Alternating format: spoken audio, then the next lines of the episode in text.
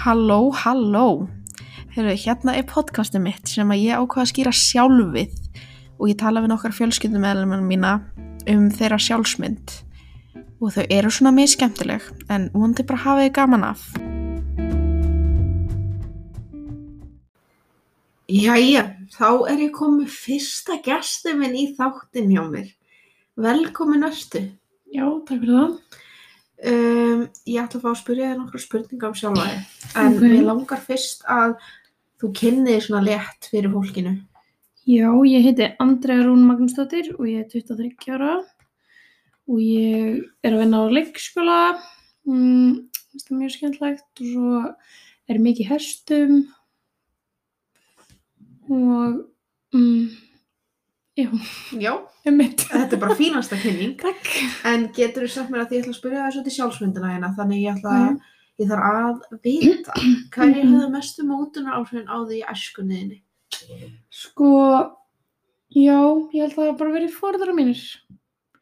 Þau svona mótuðu mig mest, sko, það veist, ég leit mjög mikið upp til þeirra og ég held að það bara gert rosa gott starf í því. Ok, æðislegt að heyra. Mm -hmm. En núna í dag, hverju myndi hafa mestu mótunar á því í dag?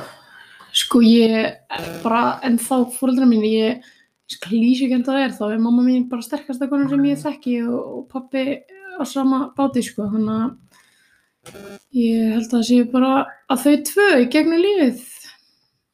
Ok. En hvað hefur mest áhrif á þína sjálfsmynd á svona típiskum degi?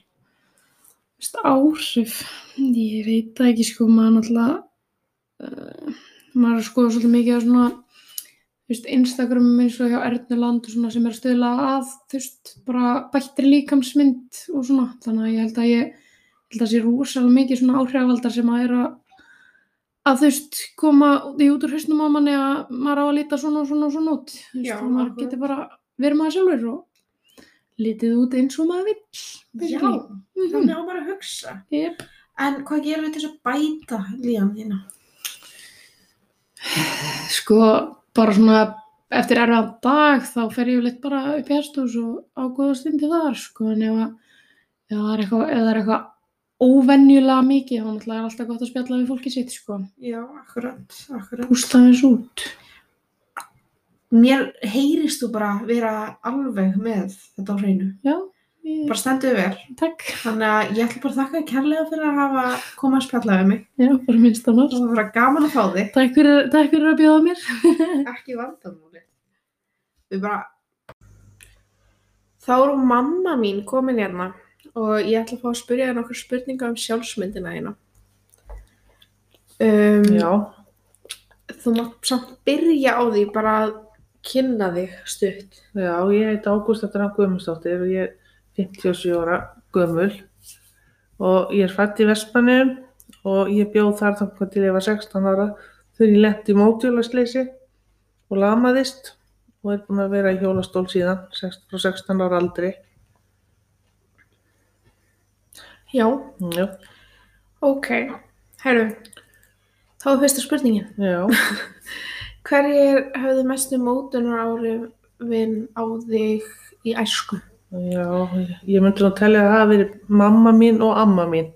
Ég þótti rosalega vendum en ömmu mín og fór mjög oft til hennar Já, og ég var hjá henni oft svona bara að hann að skoða myndalbum og, eitthvað bara mjög miklu tíma hjá henni ömmu. Að Hún svona hafði mjög mikil áhrif á mig sem barn. já, ok.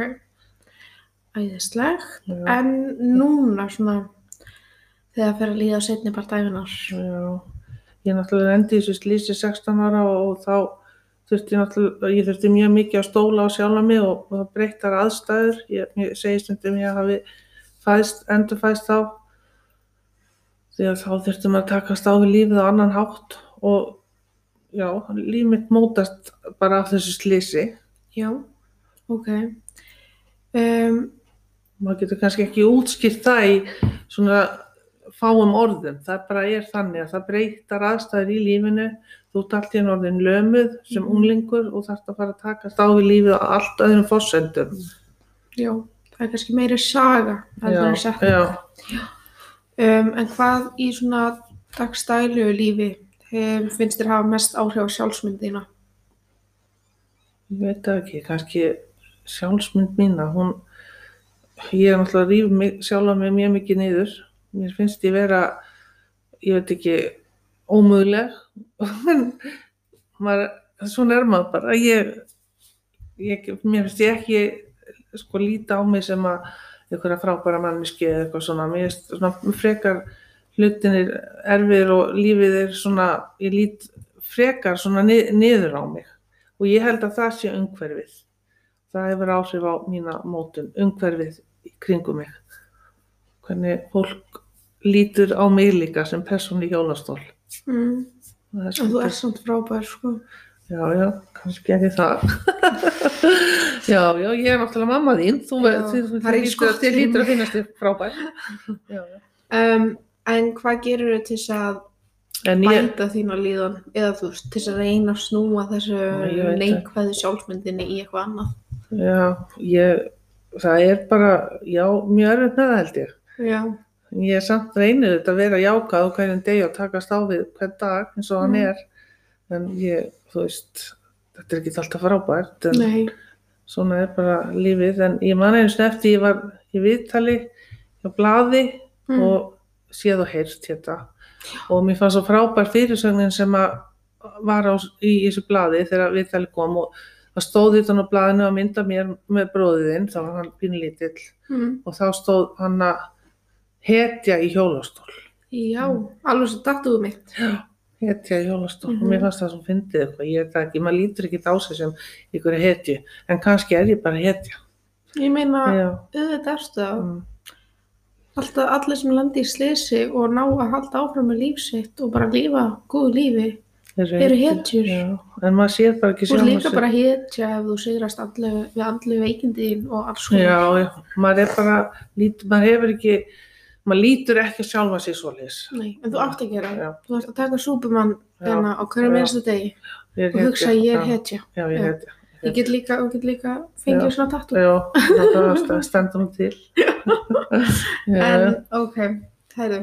Takk kærlega fyrir já, að hafa nefnt að spjalla með mig eftir mikla já, þetta tóst á endanum. Já.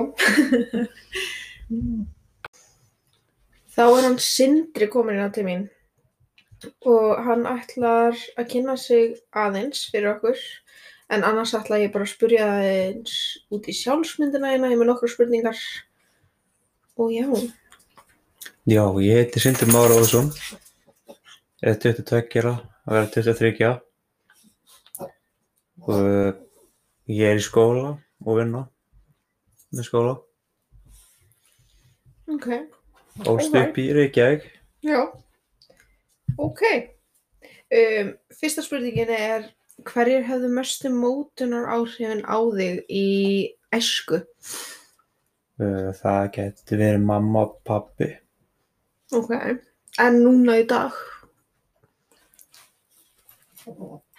bara fólki í kringum og hættingir á mamma og pappi. Ok, ok, ok.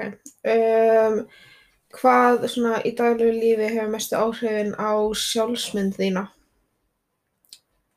Pæli ekkert í því, sko, Nei, ekki Nei. neitt. ok. En líðan þína? Bara stable, sko. Ok. En hvað gerir þess að bæta líðan? Bara að fara út að labba eða rúndin eða bara einhverja reyfingu. Ok, ok. Hörrum. Mér heyrist þú bara að vera með þetta allt í góðu lagi. Þannig ég ætla bara að þakka þér fyrir að spjalla með mig. Gaman að tala við þig. Takk, takk. Bless, bless.